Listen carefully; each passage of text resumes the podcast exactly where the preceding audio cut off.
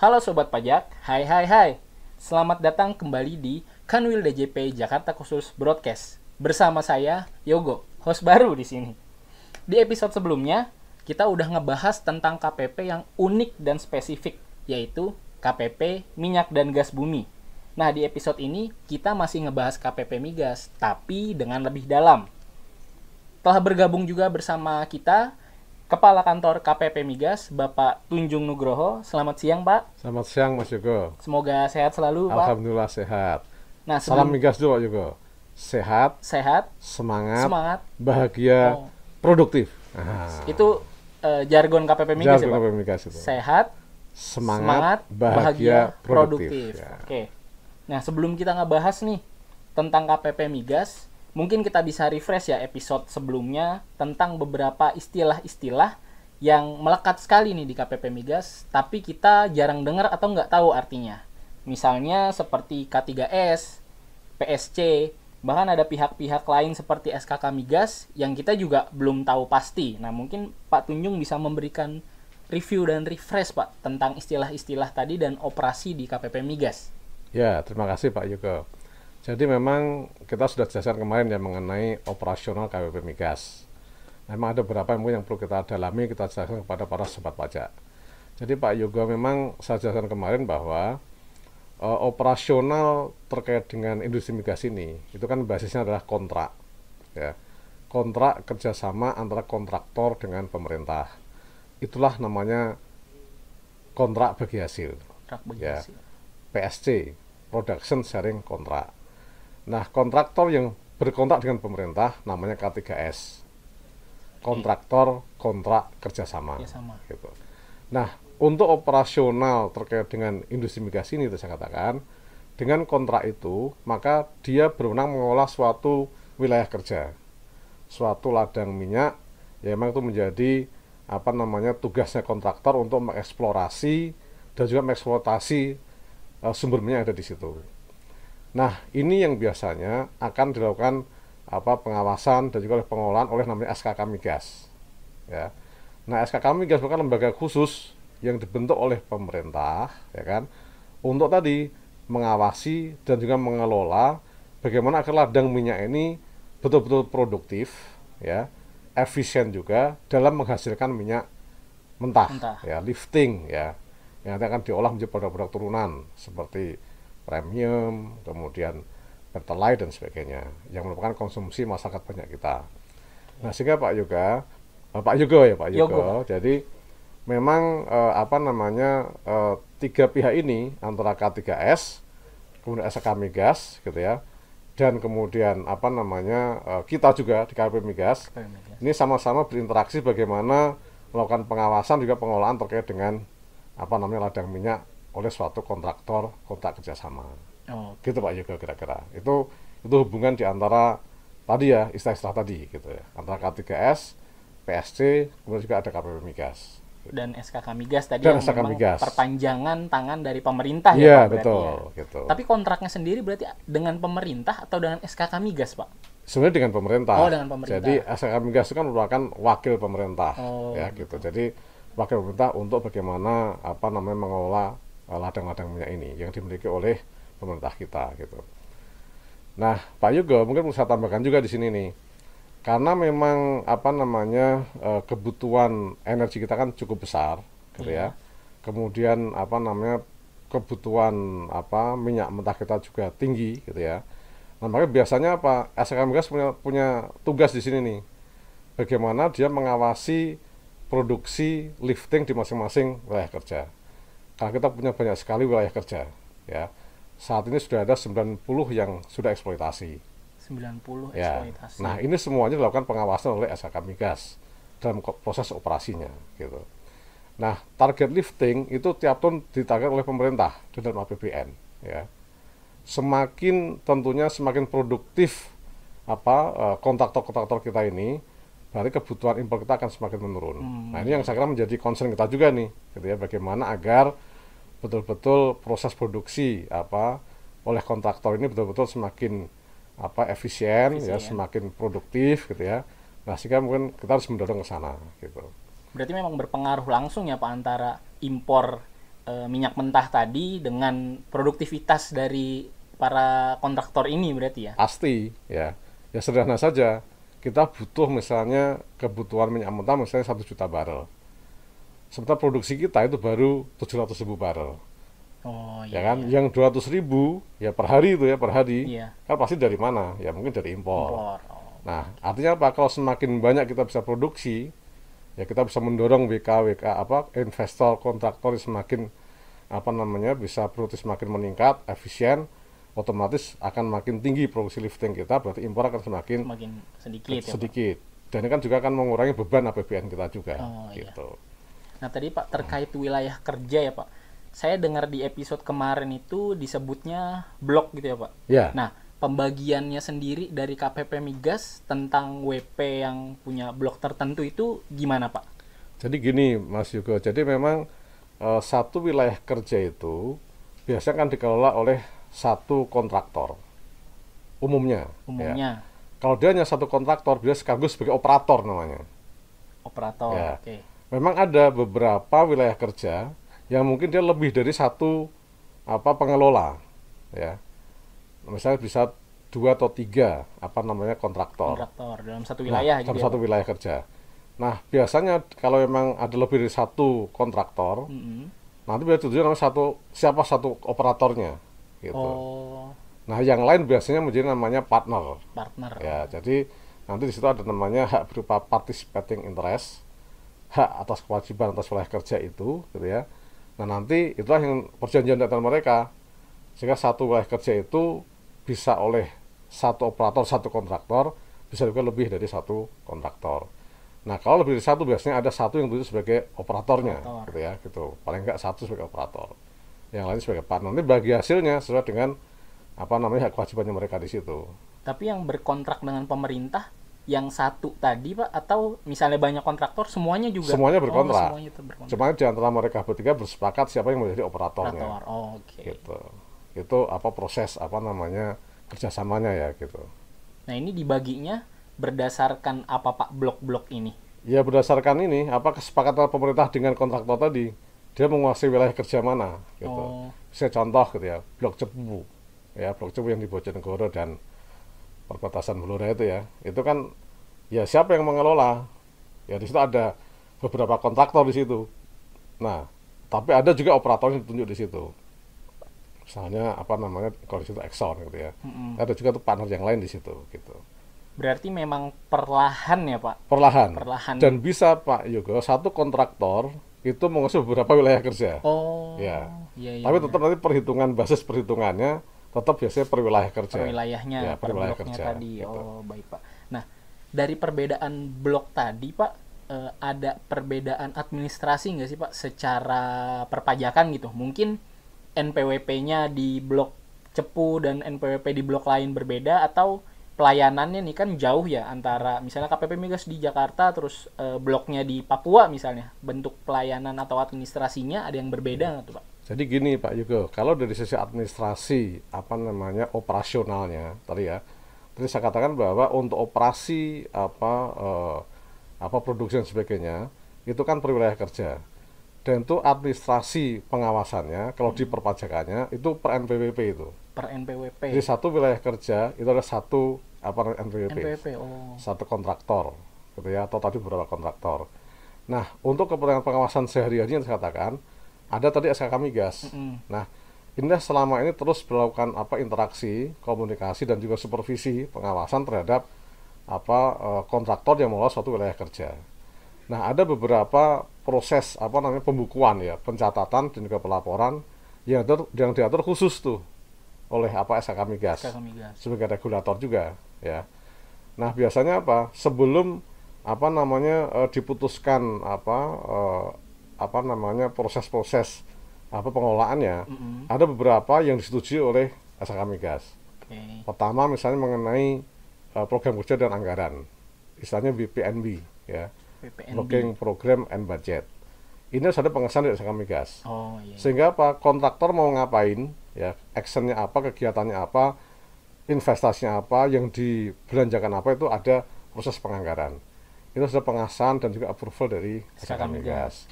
Nah, kemudian termasuk juga mungkin plan and development-nya, ya, mungkin rencana-rencana pengembangannya. Ini juga sebenarnya proseduran SK Migas. Kenapa? Ini akan berdampak kepada proses produksi, efisiensi, dan juga tentunya nanti pada masa lifting nanti. Gitu. Oh iya, yang ujungnya ke pemerintah juga Iya, ke ya, Pak? pemerintah. Hmm. Karena memang SK punya tugas tadi mengawasi untuk apa namanya produksi lifting tadi itu. Oh iya. Gitu ya. Sehingga nanti sangat bergantung ke sana. Bagaimana dengan kantor pajak ke KPU Migas? Nanti kita ada dua sebenarnya kita administrasikan. Satu adalah bagian daripada bagi hasil pemerintah itu berupa ada dua kan kemarin ya ada PNBP dan PPH Migas. Oh iya. Nah kita kan PPH Migasnya. PPH Migas. Gitu.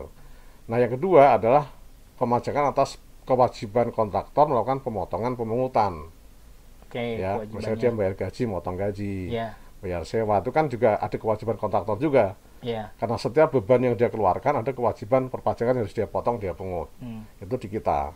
Sehingga apa setiap wilayah kerja ya kan dengan NPWP sendiri dia akan melaporkan seperti itu ya, Oh, ke baik. kita. Nah, sehingga apa? Proses pelaporan rutinnya itu dengan SKK Migas ya untuk apa operasionalnya Operasionalnya. ya dengan VPNB dengan apa apa plan of development kalau memang ada kemudian setiap triwulan ya setiap apa namanya tiga bulan sekali ada laporan juga dari kontraktor kepada SK Migas ya Oke. ini laporannya khusus juga ini ini yang saya bilang kemarin bahwa ada perbedaan pembukuan antara wajib pajak di K3S ini dengan di wajib pajak lainnya Oh iya. gitu. iya, iya. dia punya pembukuan namanya FQR FQR. ya jadi Financial Quarterly Report di laporan triwulanan Oke. berisi apa ya tadi masalah lifting kemudian biaya-biaya operasi dan sebagainya termasuk mengenai bagi hasil gitu. Oh, berarti itu memang laporan rutin kontraktor Rutin ke kepada SK Migas Oh, iya. yang akan diverifikasi, divalidasi, mungkin nanti di-approve juga sehingga ketahuan berapa produksi liftingnya, berapa biaya-biayanya, berapa hasilnya, termasuk bagi hasilnya tadi. Iya. Berapa bagi hasil pemerintah, baik berupa PNBP maupun berupa PPH Migasnya, dan berapa bagi hasil untuk Kontraktor. kontraktor. Nah itu yang tadi saya katakan itu semua diatur dalam kontrak tadi, ya dalam kontrak bagi hasil yang skemanya cost recovery gitu. Nah, untuk tadi NPWP, Pak, berarti sangat mungkin ya satu kontraktor eh, ngerjain banyak lahan nih dan NPWP-nya juga banyak berarti ya untuk satu kontraktor itu ya. Ya, jadi sebenarnya dia proses pelaporannya adalah apa per wilayah kerja, ya. Iya. Jadi memang nanti eh, per WK memang ada proses NPWP-nya sendiri. Oh gitu. iya iya, berarti memang NPWP tadi per blok tadi ya Pak ya, Ya, bukan gitu. menginduk ke kontraktornya, tetapi ke wilayah atau blok yang sedang di eh, eksplorasi atau eksploitasi.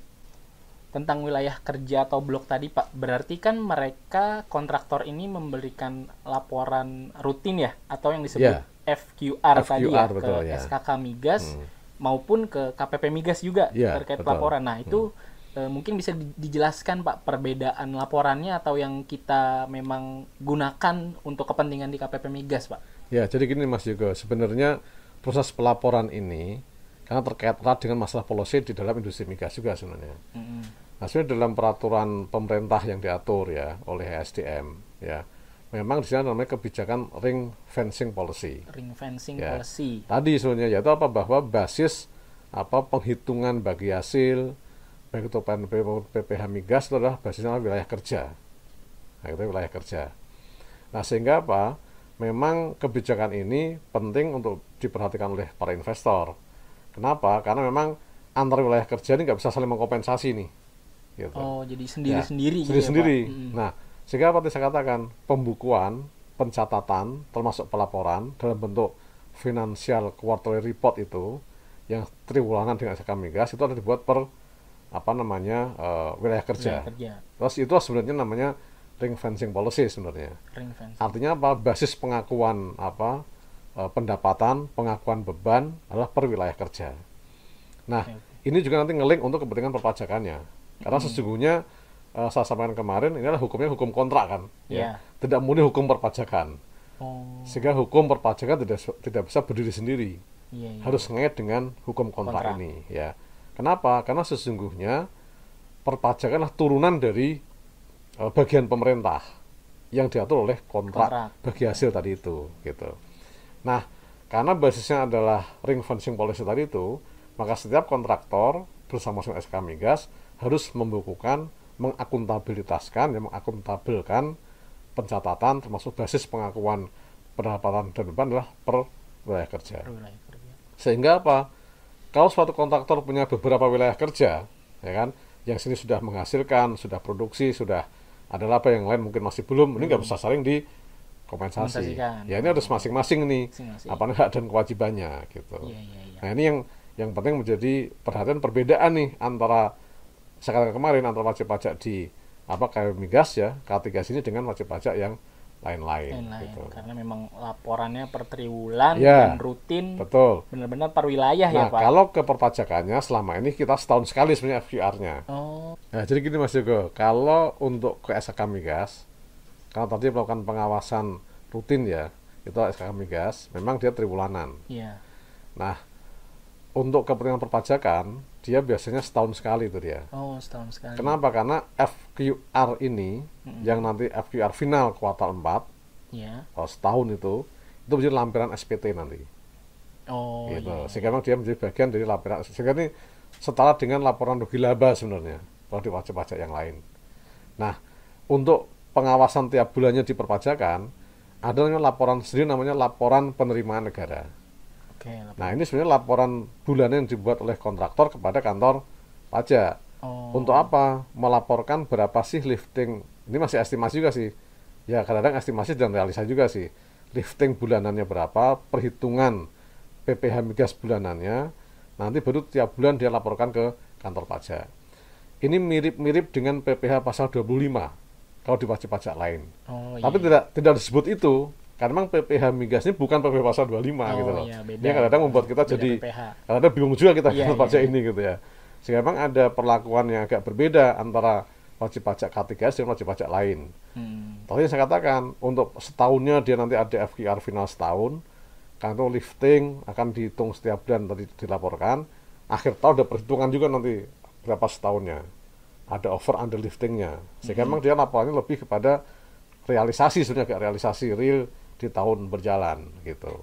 Kalau laporan tadi kan per tahun untuk lampiran SPT ya Pak. Iya. Nah kalau yang LPN per bulan itu berarti dia juga real laba atau setoran pajaknya juga. Iya, memang harapannya begitu. Harapannya kontraktor setiap bulan juga sudah menghitung tuh berapa liftingnya, berapa ininya sehingga nanti bisa kita. Memang kan nggak persis betul pasti ya, Iya. ya kan? Artinya berapa lifting, berapa biaya operasi, nanti berapa bagian pemerintah termasuk berapa PPh migasnya. Hmm. Nanti yang diakumulasi nanti setiap tahun dimatchingkan dengan nanti FGR satu tahun tadi. Oh. Nah, nanti netnya sih di FGR yang setahun tadi itu. Oh, berarti finalnya tetap per Iya, tahun per berarti ya tahun. Pak. Nanti harapannya dengan over under lifting tadi akan semua diselesaikan di bulan Desember. Oke. Nah, nanti baru nanti menjadi apa namanya basis perhitungan SPT tahunan dia gitu. Oh, baik baik. Oh, Oke Pak, saya jadi ngerti nih akhirnya tentang pelaporan kontraktor tadi ya untuk ke Iya. kepentingan perpajakan. Nah, masuk ke pajak Pak berarti. PPh migas ini eh, dasar pengenaannya atau cara ngitungnya tuh secara garis besar gimana sih Pak? Ya jadi sebenarnya tadi saya katakan Pak juga ya. PPh migas kan turunan lanjutan dari perhitungan bagi hasil pemerintah sesuai Oke. dengan kontrak. Nah, bagi hasil itu kan sudah diatur dalam kontrak mekanismenya. Nah, kalau PPh migas ya simpel sebenarnya. Tinggal penghasilan kena pajak dikalikan tarif di dalam kontrak sebenarnya. Gitu ya. Oh. Karena memang kontrak yang mengatur tadi. Sehingga simpel saja perhitungan PPh migas yang setahun tadi ya. Gitu. Iya. Nah, cuman kan dari bayar sekaligus setahun tadi kan, itu kan nunggu akhir tahun tuh. Iya. Makanya tadi tiap bulan ada semacam juga cicilan PPh migas Oh. dengan dasar laporan penerimaan negara tadi. Harapannya apa? Ini kan self assessment ini, ya. Iya. Artinya apa? Tadi FQR, kemudian apa namanya eh, LPN, kan semuanya wajib pajak yang menghitung sendiri, ya. Nanti wujudnya dalam bentuk SPT, gitu. Hmm. Makanya masih murni apa namanya self assessment. Memang sih sudah disupervisi SKK migas, Iya. tapi belum ada proses pemeriksaan di sini nih, gitu. Oh, terkait Nah, perpajakannya iya, ya, jadi Pak. perpajakan jadi masih murni self assessment atau Hmm. versi perhitungan wajib pajak memang sih sudah disupervisi oleh SKK Migas. Migas, tapi belum ada auditnya ya Oke. oleh pemerintah secara keseluruhan gitu. Nah ini terkait dengan PPh Migas tuh Pak Hmm. Yogo, sehingga tiap bulannya ada, nanti akhir tahunnya di apa akumulasikan dalam bentuk FQR kuartal 4 final gitu, Oh. yang Nah, setahun sekali. berarti Pak eh, PPH migas ini sudah bisa diperkirakan dari kontrak atau gimana Pak mekanismenya? Saat ada perbedaan nih ternyata nih di kontrak perkiraan penghasilan sekian, ternyata pas dilaporkan Nggak atau bisa. realisasinya Jadi kalau kontrak itu hanya mengatur mengenai mekanisme tata cara penghitungannya. oh Nanti bagaimana proses real penghitungannya pada saat tadi sesuai dengan produksi real yang oh. memang apa namanya eh, terjadi di setiap tahun gitu ya. berarti memang di kontrak tidak ada perkiraan atau seperti target gitu mungkin Pak Oh, yang enggak, enggak ada. akhirnya bisa Dia hanya mekanisme mengatur mengenai tadi apa yang boleh, bagaimana mekanisme bagi hasilnya, berapa tarifnya, kemudian apa biaya-biaya yang bisa dikurangkan, Oh. itu tuh diatur di situ. Gitu. baik, baik. gitu tidak secara Yego. pengenaannya Itu untuk PPh migas ya. Iya. Nah lain lagi untuk pemotongan pemungutan. Oh ada kewajiban Ya perpajakan yang lainnya saya nih Pak. kemarin kan ada Oke. dua nih, yaitu kontraktor sebagai taxpayer, Mm-mm. sebagai pembayar pajak adalah PPh migas tadi. Nah dia juga punya kewajiban sebagai withholder yang saya bilang kemarin, Oh iya iya. sebagai iya. pemotong pemungut pajak. Kalau ini mekanisme pelaporannya persis sama dengan wajib pajak wajib pajak yang lain. Iya iya. Yaitu apa? Atas setiap pengeluaran beban yang dia bayarkan, dia keluarkan harus dipotong PPh-nya. Itu normal setiap bulan, setiap masa dia harus memotong, menyetor, ya kan, dan melaporkan dalam SPT masa sesuai dengan jenis pajaknya. Oh. SPT baik. masa PP pasal 21 untuk misalnya apa upah gaji dan sebagainya, SPT masa PP pasal 23 dan sebagainya. Ini normal untuk kewajiban apa namanya Withholder tadi ya. withholding tag-nya tax. gitu ya gitu. Nah untuk PPh migas tadi Pak, saya ngelihatnya berarti ada dua dasar ya tentang undang-undang perpajakan dan juga kontraknya. Nah ini selalu sejalan atau kadang berbeda Pak antara kontrak sama undang-undang perpajakan yang ada. Nah, ini Pak Yugo ini pertanyaannya bagus ini, menarik ini. Memang selama inilah yang selama ini yang saya singgung kemarin ya kan.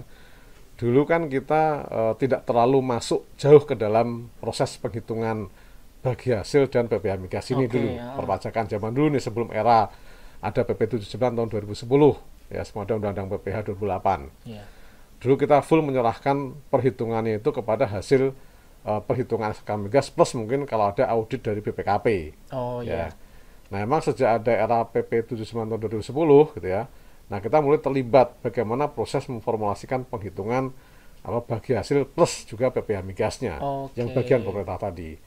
Nah, memang selama ini ini memang apa ya semacam ada kadang-kadang eh, perbedaan eh, perlakuan yang persis gitu ya antara kontrak dengan undang-undang perpajakan Perpajakan. gitu. Nah, ini memang kadang-kadang sering harus kita sinkronkan, kita harmoniskan ya antara regulasi perpajakan ya antara undang-undang PP dan sebagainya dengan kontrak tadi Kontrak, ini. oke. Ini dua-duanya hukum undang-undang dua-duanya kan Iya iya. kontrak dan juga undang-undang perpajakan. Tetapi saya katakan tadi kita sebenarnya eh, harus lebih banyak patokan umumnya adalah kontrak dulu. Kontrak dulu. Ya, nanti coba kita adjustment dengan beberapa regulasi perpajakan kita. Karena tujuannya apa tadi? Ya, bagaimana tuh hak pemerintah juga hak kontraktor tuh fair ya, Mm-mm. wajar. Memang cost untuk kepentingan apa eh, komersial ya, cost of oilnya itu Iya. harus sama dengan cost of tax itu prinsipnya. Oh baik. Makanya harus bareng-bareng nih ngitungnya nih. Iya iya. Sebenarnya antara perpajakan dengan apa tuh SKK migas ya kan termasuk mungkin BPK harus bareng-bareng nih harusnya. Sehingga regulasinya harus kita betul-betul harmoniskan nih. Iya. Ya, sehingga jangan sampai ada perbedaan jauh antara kepentingan perpajakan dengan kepentingan Komersilnya apa namanya tadi. komersial Oh. gitu. Di episode kemarin saya dengar juga Pak terkait PBB ya. Kebanyakan orang tahu kan PBB itu pemerintah daerah. Nah, ternyata KPP Migas juga ngurus PBB nih Pak. Nah, PBB seperti apa tuh Pak yang diurus di KPP Migas? Ya jadi gini Mas juga, ini bagus pertanyaannya nih. Memang satu-satunya KPP di Kanwil khusus yang mengurusin PBB adalah KPP Migas.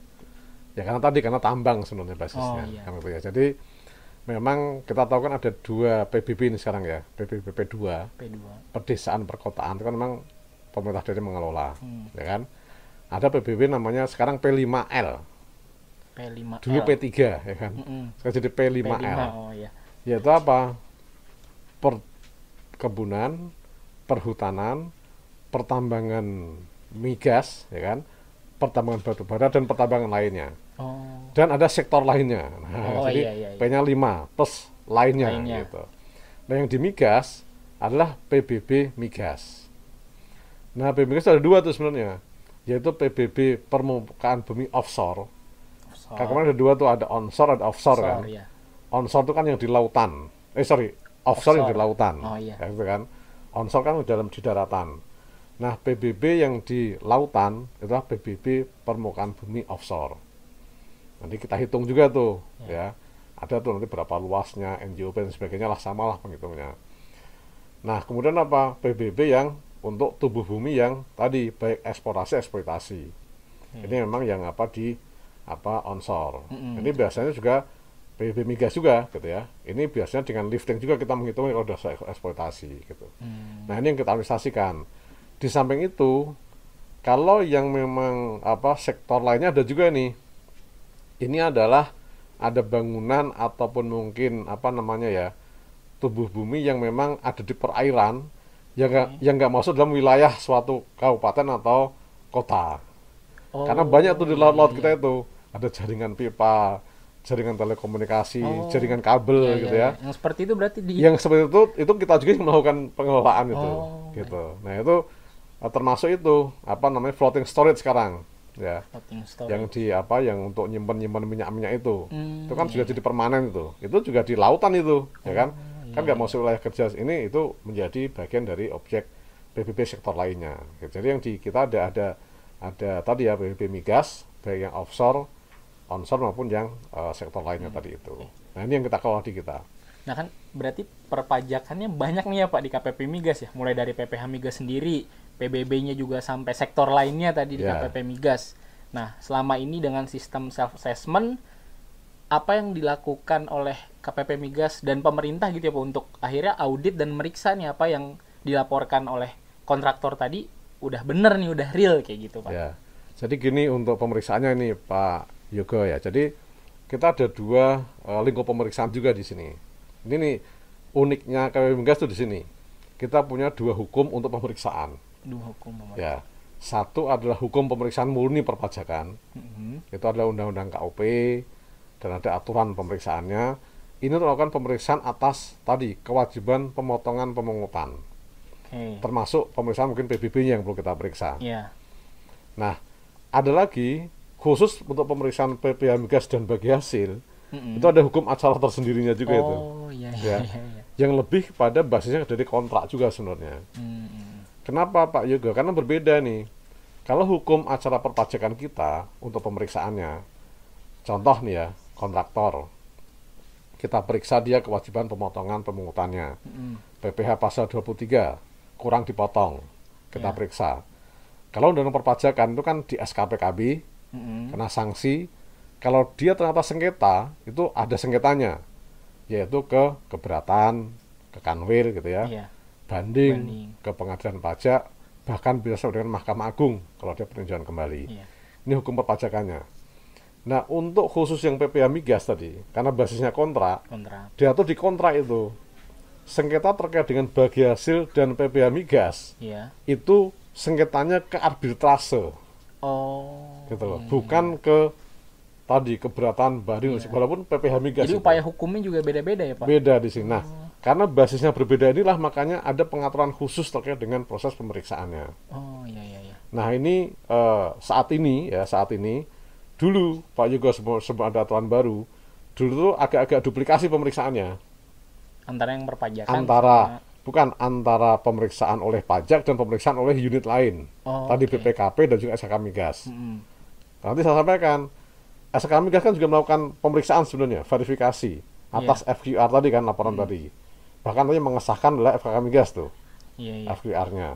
Nah biasanya dari situ BPKP melakukan pemeriksaan PKP mau terkait dengan bagi hasil pemerintah, bagian pemerintah. Yang disebut joint audit itu ya Pak yang auditnya. Nah dulu dulu kita meriksa masing-masing bareng oh. gitu.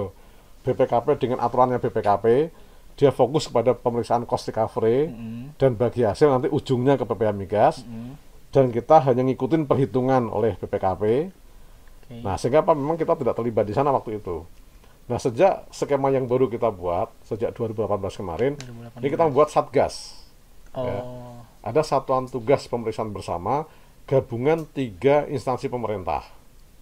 BPKP, DJP, dan SK Migas. Migas. Oh, oke. Sehingga apa hanya ada single audit kepada K3S Oke, oke, oke. yang tadinya ada beberapa paling nggak dua ya dulu ya Mm-mm. yaitu oleh BPKP pemeriksaan bagi hasil dan Junto PPH Migasnya kita melakukan pemeriksaan atas apa namanya potput dan Potput. perpajakannya. Oh, iya, iya. jalan masing-masing nih. Mm. Nah dengan satgas ini maka sekarang sat, tiga instansi menjadi satu audit, satu apa namanya single pemeriksaan. Berarti ya auditnya Untuk apa? ya, Pak? Untuk tadi meriksa bagian pemerintah Mm-mm. berupa PNBP dan PPH Migasnya. Migas, Nah ini ini suatu terobosan yang baru ya. Jadi lebih efisien, ya lebih efisien, lebih berkepastian hukum juga bagi kontraktor juga bagi pemerintah. Oh, iya, iya, iya. Sehingga kelebihannya apa? Ya tadi hak dan kewajibannya sudah lebih clear nih, ya kan? Dengan audit oleh satu instansi pemerintah ini, gitu. Nah diharapkan dengan proses ini, maka tadi eh, lebih efisien proses auditnya, lebih berkepastian hukum, ada sinergi antar instansi pemerintah untuk melakukan pengawasan terhadap kontraktor. Nah ini ini yang sekarang apa namanya sedang berjalan, gitu. Oh, oke, oke. Nah ini yang apa unik di KGP Migas. Iya, ya, iya, jadi apa semuanya ada dua proses yang kita jalankan. Iya, ada seperti ada tadi. hukum kontrak, ada hukum apa perpajakan. Nah iya. kita harus men mensinkronkan ini nih ya. Bagaimana dua ini bisa jalan betul-betul sesuai dengan apa ketentuan yang ada. Bahkan gitu. melakukan pemeriksaan tadi juga ada pihak lain ya Pak yang ikut Iya, juga di betul. Satgas kita bagian tadi. dari situ. Oh, oke, oke. Sehingga nanti perhitungan PPH Migas dan juga PNBP bagi hasil pemerintah itu sudah hasil eh, justifikasi dari tiga instansi tadi. Oh, Gitu. baik. Iya, iya. Dan kalau ada temuan-temuan pemeriksaannya, nanti bukan sengketanya bukan ke tadi keberatan banding dan apa peninjauan kembali. Mahkamah Agung ya untuk PPH Migas, tapi ya tadi ke jalur apa skema kontrak tadi. Oh, iya, iya. Ada nanti pembahasan antara pemerintah dengan kontraktor kalau ada dispute ya apa temuan-temuan pemeriksaan. Kalau mentok di situ ya nanti akan dibawa ke arbitrase Lebih terasa. oke. gitu untuk menyelesaikan sengketa terkait dengan bagi hasil dan juga PPH Migas gitu. Banyak banget nih Pak eh, pencerahan dan akhirnya ilmu Gitu ya? yang kita dapat nih tentang eh, KPP Migas. Jadi yang- paham sekarang kan? Iya, dan Ya. ya itu cukup eh, banyak akhirnya dan banyak. memang betul harus di kamar khusus kan Iya, ya, karena memang apa namanya Spesifik banget, khusus. Ah, operasionalnya iya. khusus gitu Nah, tadi dari wilayah kerja sampai join auditnya juga Iya. beda gitu. Semoga bisa bermanfaat nih Pak buat kita Ya, semua dan mudah-mudahan. juga para sobat pajak ya yang mendengarkan eh, di podcast edisi kali ini. ya nggak nonton rugi lah ya ya Ya, banyak banget nih Pak pencerahan dan ilmu pada hari ini tentang KPP Migas. Nah, terakhir Pak mungkin closing statement dari Pak Tunjung selaku ini closing kepala buat kantor. siapa ini Buat kita semua yang Oh, nonton iya. nih. jadi mungkin gini ya apa namanya tadi saya katakan bahwa industri migas ini kan memang industri yang spesifik ya. Iya. tetapi tadi industri ini sangat dibutuhkan oleh masyarakat banyak. Karena kebutuhan energi itu menguasai hajat itu orang banyak. Sehingga ya saya secara apa eh, institusi ya KPP Migas berharap bahwa walaupun kondisi sulit seperti ini gitu ya tetap apa namanya para investor kontraktor tetap apa bagaimana menjaga apa industri ini ya dengan sebaik-baiknya tetap bisa produksi maksimal ya kan? Dan juga semakin efisien ya semakin baik pemerintah juga sudah mulai apa menjaga kepastian hukum untuk industri ini ya. Iya. dengan tadi joint audit satgas misalnya bersama dan juga perbaikan-perbaikan regulasi ini semuanya untuk kepentingan uh, kita semua ya. Bagaimana menjaga kepastian hukum investor tetap bisa berusaha dengan sebaik-baiknya dalam kondisi apa pun gitu ya. Sehingga apa harapan untuk bagaimana memenuhi kebutuhan masyarakat banyak dari sisi energi ya apa bahan bakar minyak dan sebagainya ini betul-betul bisa kita penuhi dengan sebaik-baiknya. Nah ini harapan kami seperti itu. Dan tetap KP Migas akan betul-betul uh, support sepenuhnya akan bekerja dengan sebaik-baiknya untuk mendukung apa namanya uh, industri migas ini. Semakin efisien, semakin akuntabel dan juga semakin transparan. Demi masyarakat kita. Terima kasih Pak Tunjung atas kehadirannya pada hari ini dan juga atas ilmunya tentang KPP Migas. Sama-sama Mas. Yuka. Semoga bermanfaat buat para sobat pajak yang menonton.